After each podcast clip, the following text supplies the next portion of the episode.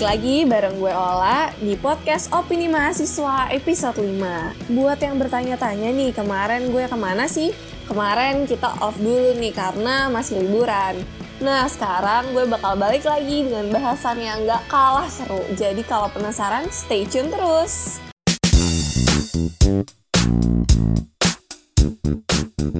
Nah pada saat ini gue udah kedatangan tamu yang seru-seru banget nih, gak kalah sama yang kemarin.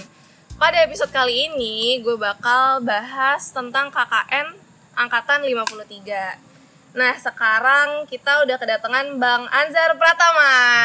Hei, halo Bang, apa kabar? Halo, Ola. Alhamdulillah baik. Iya, yang selanjutnya kita kedatangan eh, Kak Reza Nuruhuda. Halo. Terus ada Bang Bagus Estu. Halo, assalamualaikum. Waalaikumsalam. Waalaikumsalam. Ada Kakak Nia. Halo. ya sok Dan, dan yang terakhir ada Kakak Erinda. Yes. Bagi yang bertanya-tanya nih kenapa sih yang gue undang mereka-mereka ini? Jadi eh, kalau Bang Anzar yang biasa kita panggil Bang Anjay, dia adalah em, perwakilan dari KKN Majalengka, bener ya? betul sekali.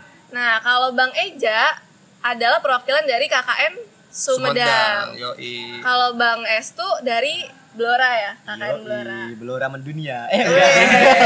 Wah, ngeklaim nih, ngeklaim. Gak baik, gak baik. Itu kayaknya yang lain deh, bukan yang Blora. Ngeklaim nih.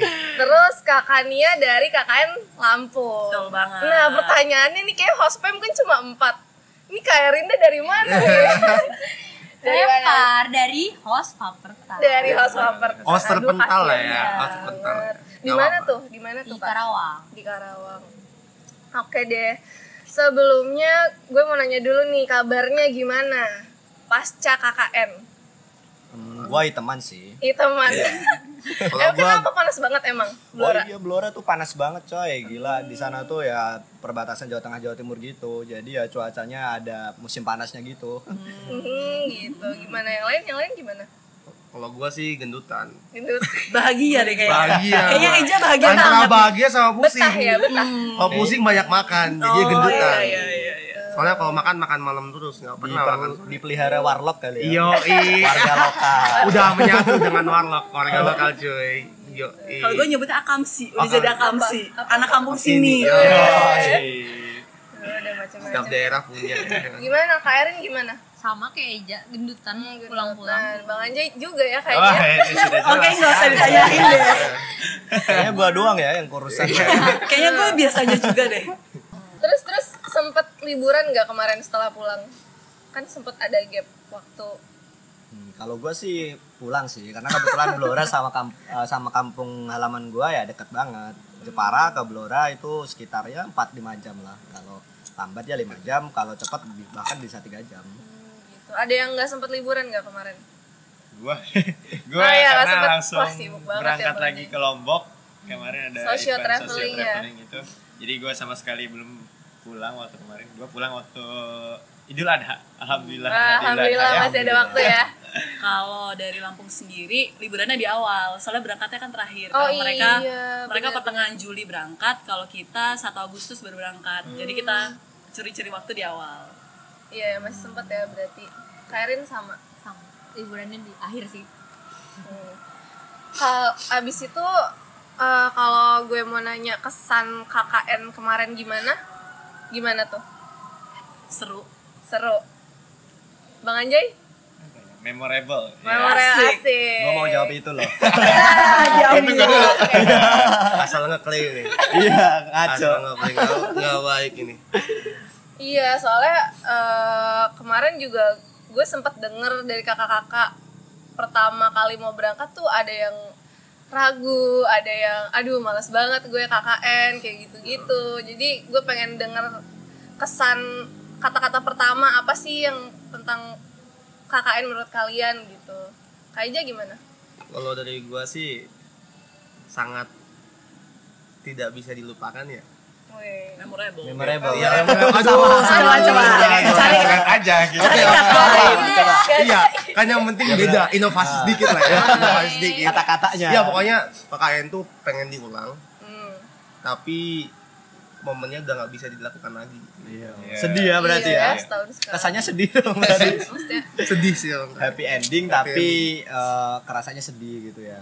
Karena berpisah dengan teman-teman dan gak ada momen lagi gitu. Iya. berpisah dengan siapa sih? Ya. Aduh, nanti nanti kita Oh, iya. korek, nanti kita korek ya. kalau bagus Bahaya bagus. Kalau gue lebih ke arah ya asik, ya memorable, ya gak bisa dilupain atau apalah itu tadi. Semuanya. Gue setuju banget dengan mereka semuanya sih. Kayak ya itu memang bahwasanya emang KKN itu bisa bikin lo akrab banget sama seseorang. Bahkan sekalipun lo belum kenal awalnya, lo bisa jadi best friend coy setelah KKN. Gila nggak lo? setuju gue.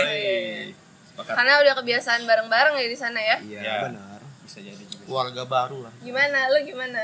gue sangat tidak menyesal ada di host orang Karena karena ya gimana ya gue selain dapat teman-teman baru juga kan jadi apa ya lebih mengenal lingkungan yang baru juga sih hmm, terus kan kemarin itu eh, pembagian lokasinya berdasarkan kelompok ya. Apa gimana tuh kemarin pembagian lokasinya? Lokasi Ah, dari lokasi, fakultas ya. ah, ah, dari fakultas. Kalau dari fakultas sih yang nentuin dari fakultas sendiri, apa- random Oh, sebenarnya. gitu. Jadi pengelompokannya dari fakultas nentuin, ada yang terpental-pental juga sih. Hmm, Kayak si kayak Erin. Erin. ada ya yang ke host lain juga, yang host lain juga ada yang ke tempat kita. Gitu. Nah, Jadi kayak sebenarnya kita emang nggak tahu penilaiannya dari mana Iya. ya, cuman itu emang Oh, random gitu. banget sih. Terus eh, kan di sini yang korkap Bang Bagus, Bang Eja sama Bang Anja ya. Iya. Itu gimana penentuan tugas-tugasnya? Gimana cara milih ada korkap? Kalau nggak salah ada kordes, korcam juga ada ya. Iya. Ya itu gimana tuh, Bang? Coba.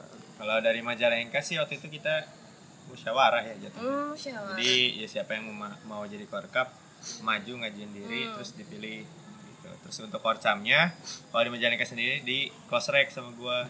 Oh gitu. Jadi kalau gue close track kenapa? Karena ya korcam ibaratnya tangan kanan dan tangan kirinya korkap. Jadi ya gue butuh orang-orang yang terpercaya gitu.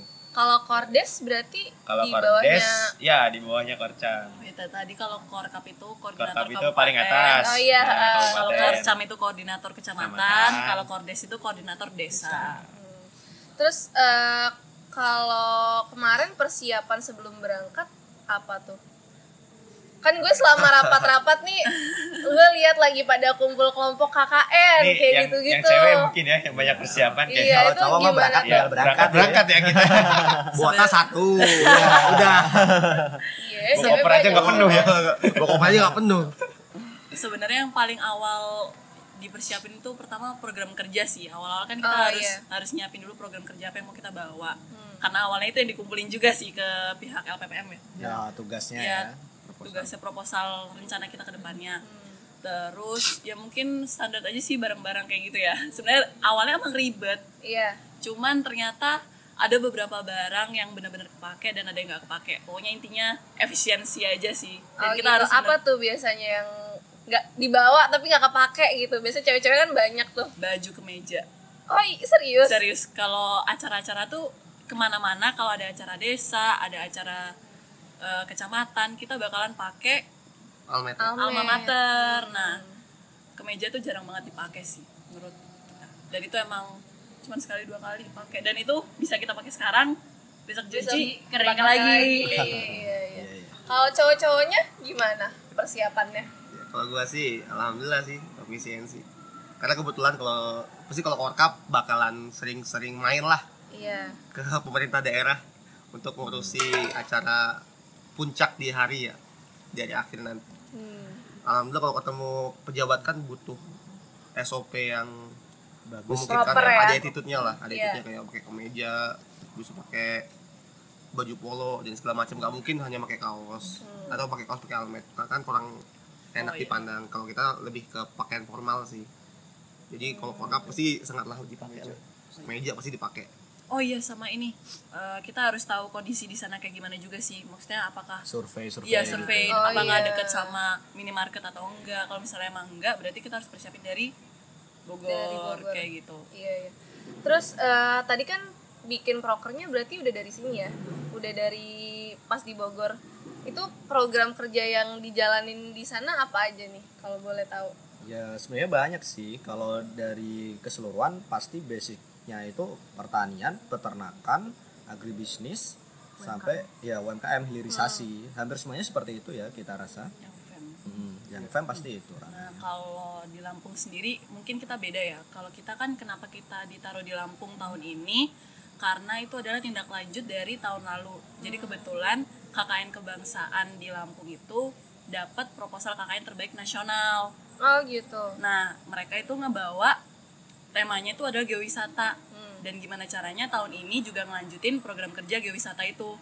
Jadi mungkin beda sama host fem yang lain. berarti udah diarahkan Diarahkannya gitu ya emang ke geowisata, cuman kita harus nyesuaiin juga sama uh, program kerja dari Universitas Lampung. Hmm. Jadi kayak harus ya harus kolaborasi antara IPB dan Unila. Segi apa gimana caranya program kerja dari Universitas Lampung jalan dan dari IPB juga jalan. Bang Ajay gimana dari Majalengka. Eh, programnya. Kalau di Majalengka kan temanya itu pengembangan UMKM sama ekowisata ya. Jadi karena kita udah tahun ketiga jadi ya sebenarnya kita tinggal finishing gitu loh istilahnya. Jadi karena udah dibangun tahun pertama tahun kedua udah mulai dibikin produknya. Nah tahun sekarang kita lebih banyak lebih ke brandingnya sih. Saya produk UMKM apa kita bikinin uh, platform masuk ke apa ke toko online gitu-gitu. Nah gitu kita kita bikin programnya. Terus kalau ekowisatanya juga lebih ke branding sih jatuhnya. Karena sudah dibangun di tahun dua tahun sebelumnya gitu. Jadi kayak misalnya dua tahun sebelumnya infrastrukturnya masih kurang nah tahun sekarang tuh udah dibangun. udah bagus. Nah, jadi kita tinggal ngepromosiin gimana caranya orang-orang itu tahu bahwa ada wisata di sini di sini di sini gitu. Oke kalau di Sumedang gimana di sebenarnya kasusnya sama sih baik di Majalengka di Blora dan juga di Sumedang. Jadi kalau di Sumedang kan karena memang basicnya kita host fam Iya. ekonomi dan manajemen. Dan tantangan di tiap kabupaten ini pasti di bidang pertanian ya. Iya. Tentang pertanian. Oleh karena itu kita berinisiatif nih bagaimana caranya biar kita meskipun tidak terjun langsung pertanian ada impactfulnya juga di masyarakat. Kan pasti iya, iya. di tiap desa punya produk unggulan ya. Iya. Kayak kata katanya tadi produk unggulan dalam entah itu UMKM entah itu bumdes juga segala macam. Nah kalau dari desa gua sih ya desa gua itu kan ada produk unggulannya itu kerupuk sayuran. Kerupuk sayuran. Jadi tapi permasalahan mereka tuh mereka kurang di brand. Kurang di brand branding tadi seperti tadi. Jadi kita tuh kayak mengembangkan produk kayak packaging yang diperbarui yang mungkin menarik. Jadi inovasi inovasi inovasinya dalam gitu ya bukan inovasi dari inovasi pengembangan produk bukan inovasi dari produk itu sendiri secara langsung makanannya bukan. Jadi karena basicnya kita berdua berbeda ya iya. seperti itu. Dan kalau di tempat desa gua sih ada wisata juga. Mata air ya. Pasti banyak lah Iya, di mata iya. air. Cici cici lah ya bahasanya apa Ci. gitu ya. cici cici naneng segala macem lah. Nah, i- terus eh, kan kita dari Institut Pertanian Bogor gitu, orang-orang desanya mengenalnya. Ada nggak sih perta- pertanyaan-pertanyaan seputar eh, dunia pertanian gitu yang nggak bisa dijawab sama anak-anak FEM kira-kira? Karena denger-denger mereka tuh belum begitu paham fakultas kita tuh mempelajari tentang ekonomi dan manajemen gitu kan. Ada nggak tuh yang kayak gitu? pasti sih karena ya secara general orang orang gitu masyarakat orang desa tuh lihat kita dari Institut Pertanian Bogor gitu. Iya. dan mereka itu menganggap pasti bahwa kita tahu tentang pertanian karena ya Hmm, dia ahli iya. gitu karena ya secara tidak langsung Institut Pertanian Bogor gitu Iya. dan mereka taunya pertanian itu ya ya tentang padi tentang yang mereka di kebun lah istilahnya kayak Iya. gitu dan akhirnya ketika kita ke sana juga ditanyanya ini gimana ya eh, kena penyakit apa gitu kan terus Iya. kayak Sama ini bibitnya yang bagus yang gimana sedangkan kita kan fakultas ekonomi kan nah Iya. di situ sih yang rada harus apa ya kita ngejelasin gitu bahwa pak kita dari IPB iya pertanian tapi bagian ekonomi dan manajemennya gitu jadi ya kadang nggak enak juga sih kayak Iya, kita nggak tahu pasti. apa gitu kan kayak eh takutnya ada anggapan apaan sih nak IPB nggak tahu, tahu, kan gitu iya. Karena tapi akhirnya kalau udah di, gitu kalau ya. dijelasin ya mereka juga maklum gitu kayak oh ternyata beda jurusannya kayak gitu Oke, oke. tapi untungnya ini sih ada yang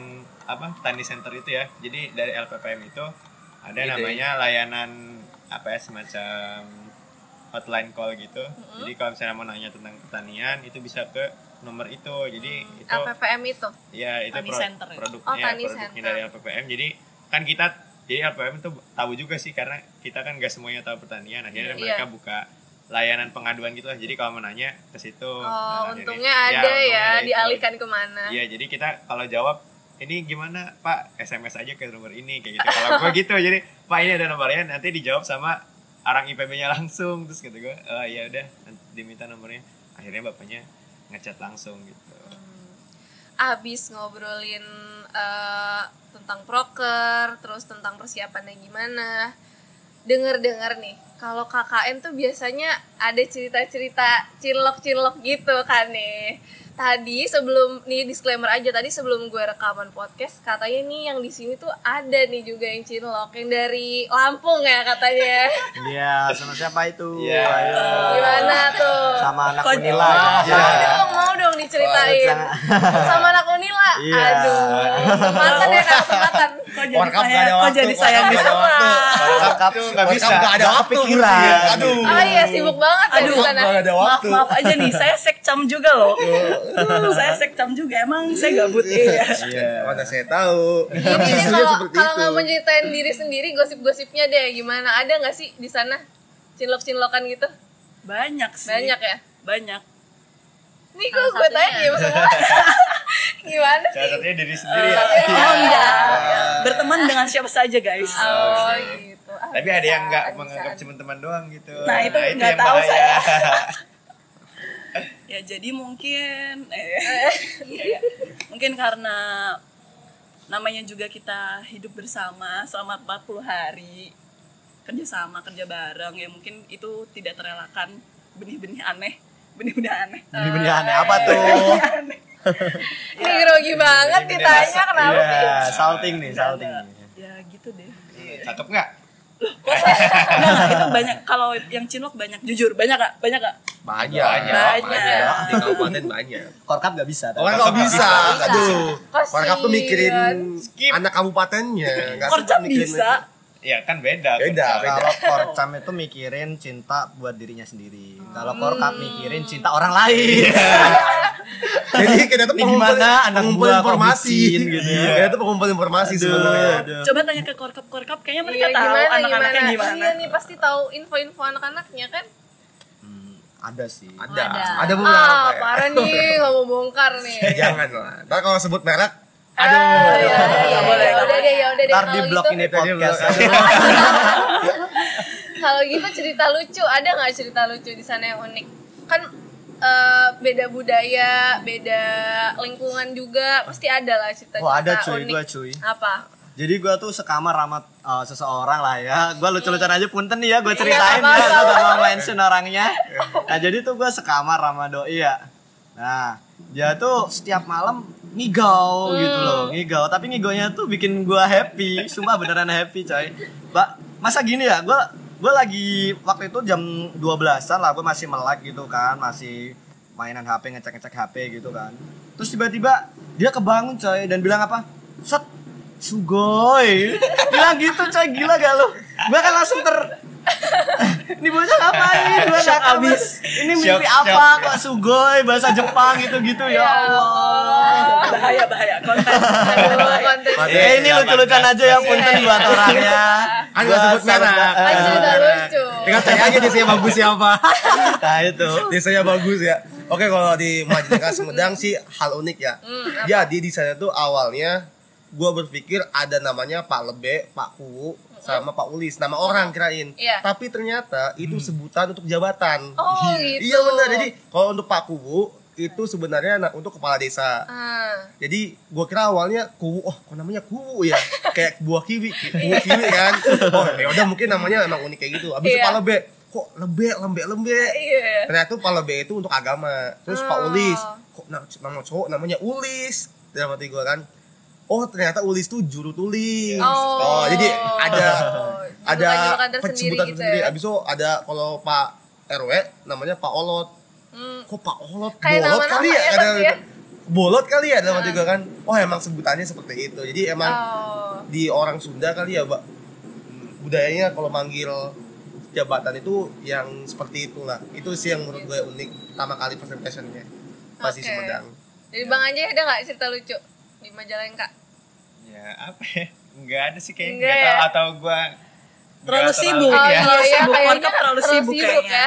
Kalau yang bucin masih gue pantau ya tapi kalau yang lucu kayaknya Ah, parah tadi jadi tanya nggak mau Oh, saking bohong. banyaknya. Gimana? Saking banyaknya. gue mau melindungi aja teman-teman Majalengka tenang tenang Oh, Soalnya soalnya dunia. iya soalnya ini mendunia nanti semua orang tahu Gara-gara mendunia Anjay tertekan. Soalnya gak punya cerita-cerita humor cuy. Iya, padahal dia tahu. Iya kan? iya Ada hak ciptanya, jangan. nanti malu sama Ridwan Kamil kan udah di follow Oh. ya Sombong. Pamer, pamer, pamer. Sombong. Maaf ya, teman-teman.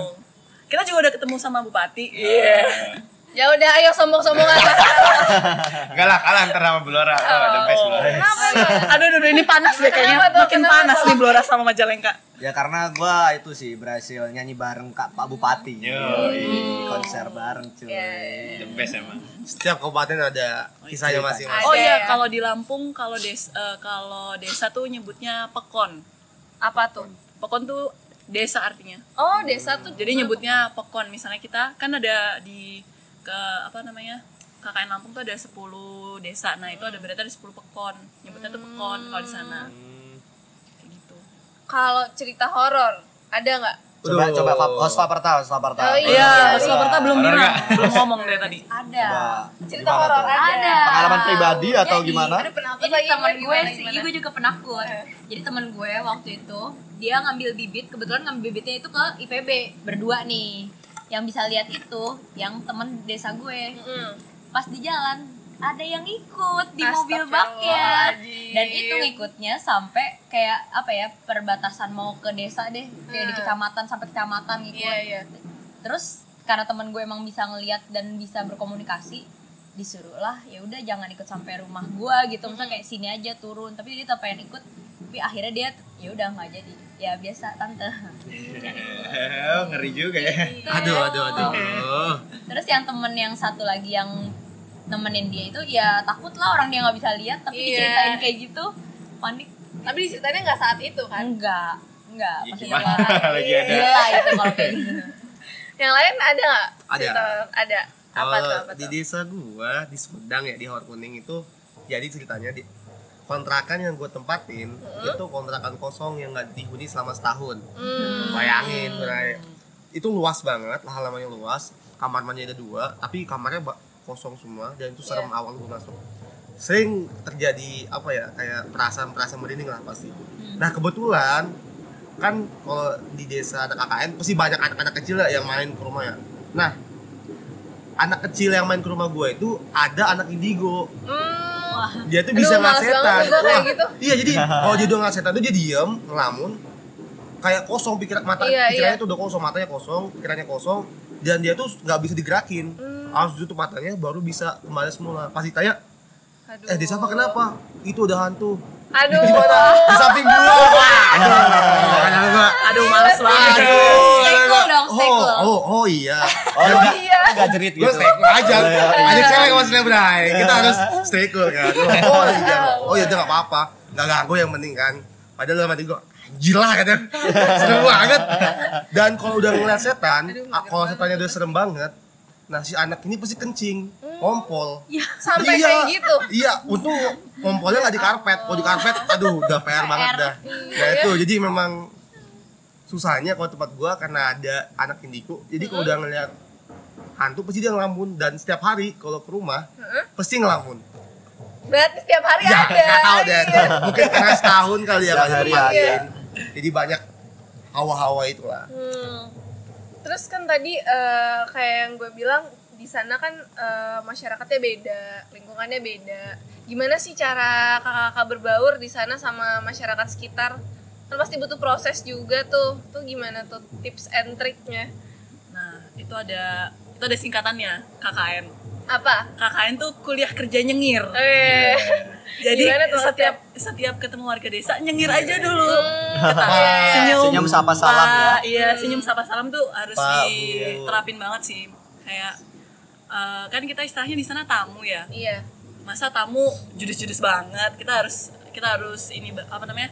bersahabat bersahabat mendekati mereka pelan-pelan Iya, kayak iya, gitu. iya. Terus buat masalah bahasa, Wah. Gimana tuh? Kalau gua sih nggak ada gap sih karena Iya, gua orang Jawa dan Blora. Karisidenan Pati jadi ya udah itu emang budaya gua dari rumah gua banget. Secara Medan alhamdulillah lah.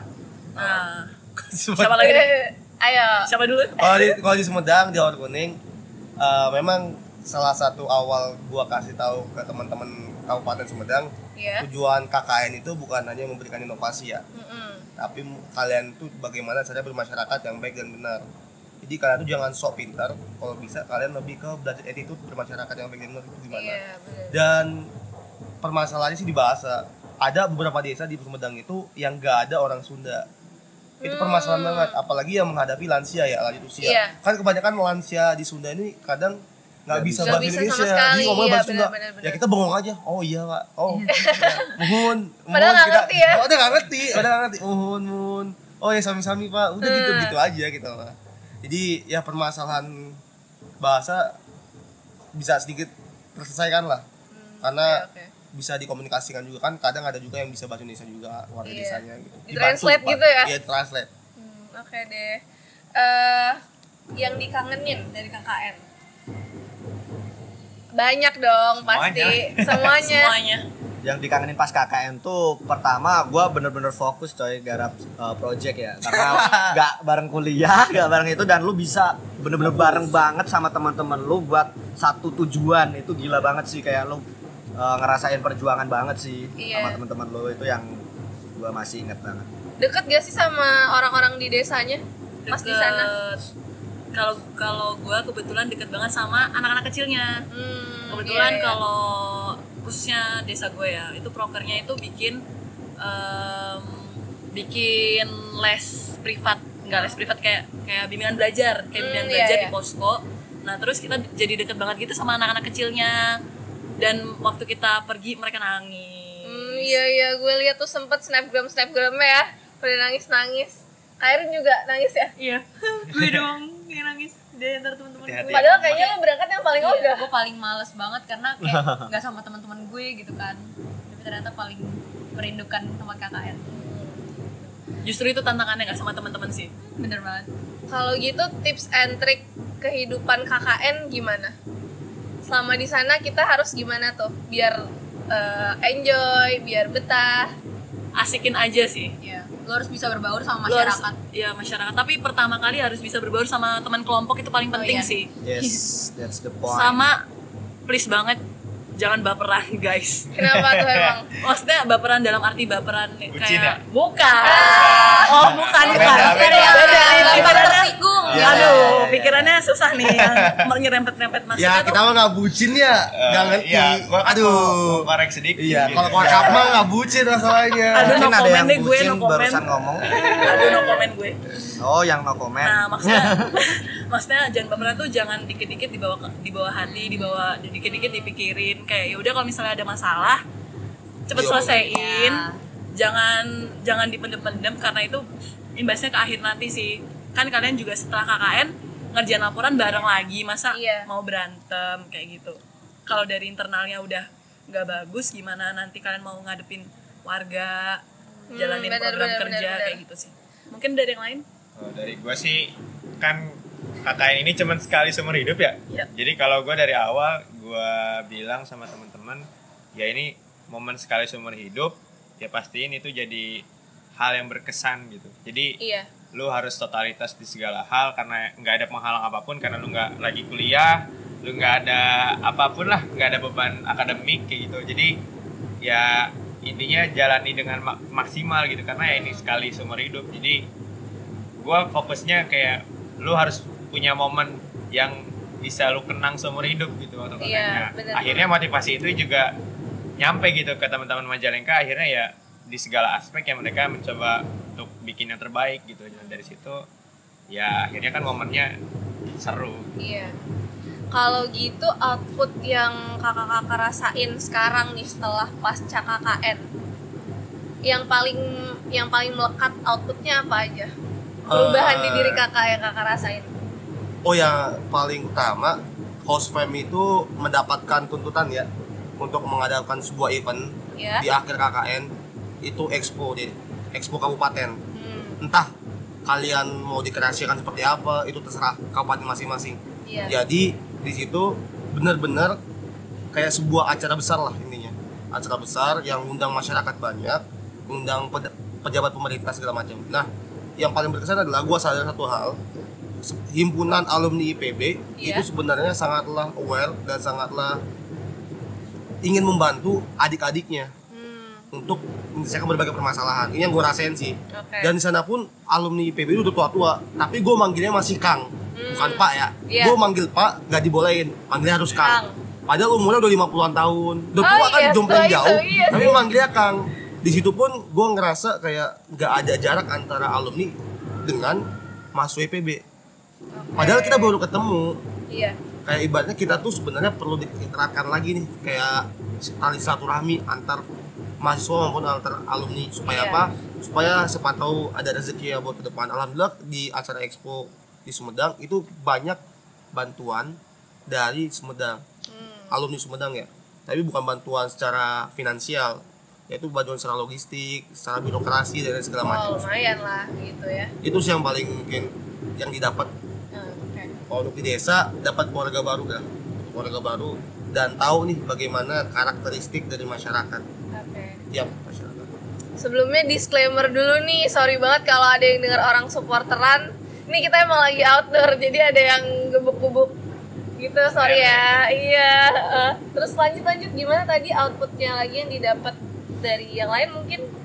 kalau output dari oh untuk diri sendiri Iya, ya Kalau untuk output diri untuk diri sendiri. sendiri itu eh, kita belajar banyak karakteristik orang gimana kita ngadepin orang gimana kita istilahnya kalau kita mau masuk ke lingkup itu kita harus tahu cara main mereka juga Iya benar. gimana karak eh, gimana mereka em, ingin dihargain gimana eh, mereka gimana mereka ngelihat kita kita tuh harus ngejaga image juga sih maksudnya Iya. itu desa orang kita harus menghormati kebudayaan mereka jangan sampai eh, setelah kita pergi kita malah menimbulkan kesan buruk kayak gitu Oke, bener banget, bener banget. Eh, kalau gitu terakhir nih, pertanyaan terakhir. Kenapa sih harus semangat menjalani KKN? Buat adik-adik tingkat kakak nih, angkatan gue kan belum nih tahun depan baru mau Iya. KKN.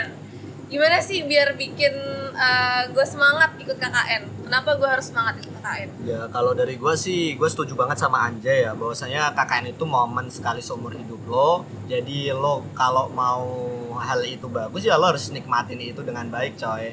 Lo harus ambil hikmahnya dan lo jalanin dengan penuh sepenuh hati. Karena mau gak mau lo bakal kenang itu yo. Iya. Terus inget juga eh, KKN itu istilahnya kita dikasih kepercayaan sama kampus untuk eh, memberi impact buat eh, desa, kabupaten kayak gitu. Jadi kita harus memanfaatkan kepercayaan itu memanfaatkan kepercayaan itu aja sih. Oke, yang lain ada yang mau Kalau lagi? menurut gua kenapa harus semangat? Karena lu bakal belajar banyak lah. Jadi intinya kalau kakak itu pertamanya kita males, Ya. di tengah-tengah itu bakal mulai hilang malesnya. Hmm. Di minggu kedua itu mulai semangat, minggu ketiga itu semangat paling tinggi, minggu terakhir semangat lu lagi tinggi tapi waktunya habis gitu. Iya, Dan iya, itu ya. adalah saat-saat tersedih gitu ketika semangat lu lagi tinggi-tingginya tapi waktu KKN itu selesai gitu. Ini adalah siklus yang menurut gua selalu terulang Selalu, pasti di benar setiap banget, KKN gitu. Oke. Jadi ya enjoy the moment gitu intinya. Oke, dari Bang Eja sama Kak Erin ada tambahan nggak? Eh, pokoknya semangat buat KKN bagi kalian para jomblo. Anjay. Siapa tahu dapat ya. Ngajak, Iya. bagi para jomblo silakan kalian cari potensi desa sebanyak banyaknya Tapi jangan jadi korkap ya. tapi jangan jadi korkap kalau pengen bucin ya. Gua saranin lu capek. Lu bakal keliling sana sini nggak bakal ada waktu. Tapi nggak apa-apa kalau goncengin cewek juga. Iya. Iya, iya. Mam, Screening, screening. sekalian sekalian. sekalian. Iya, iya. tapi kalau korkap tiga tiga ini kebanyakan nggak ada waktu buat bucin ya. Iya. Tapi mereka tahu semuanya guys. tapi kalau informasi bucin kami tahu semua. Jadi pokoknya manfaatkan waktu dengan waktu KKN karena momen sekali seumur hidup benar. Dan momen ini nggak bakal terulang lagi. Pastinya ini bakal kalian kenang seumur hidup. Jangan menyesal nantinya saat kalian kekurangan momen. Intinya di awal kalau bisa udah semangat lah intinya. Udah kenal karakteristik sama lain. Dan tinggal ngebangun apa ya kebahagiaan. Kan. kebahagiaan ke asik. depan supaya bisa puas lah bahagianya momen-momen yang belum terselesaikan diselesaikan gitu. Oke, Kak Erin karena eh, pokoknya lo tuh jangan takut untuk KKN itu sih paling penting jangan takut. Karena lo gitu karena ya ya Kak? karena gue awalnya takut banget KKN sampai gue tuh bener-bener packing aja hamin satu itu malam malah. Dan apa ya kayak ini tuh ajang lo buat cari pengalaman baru bener-bener yang baru banget dan lo juga dapat keluarga baru di sana. Jadi semangat KKN untuk anak 54 Oke guys, kalau gitu thank you banget udah dengerin kita episode 5 ini. Eh, semoga bisa bermanfaat dan semoga masih bisa kedengeran dengan jelas ya suara kita karena nih ada yang lagi supporteran juga. Eh, kalau gitu dari kita semua pamit.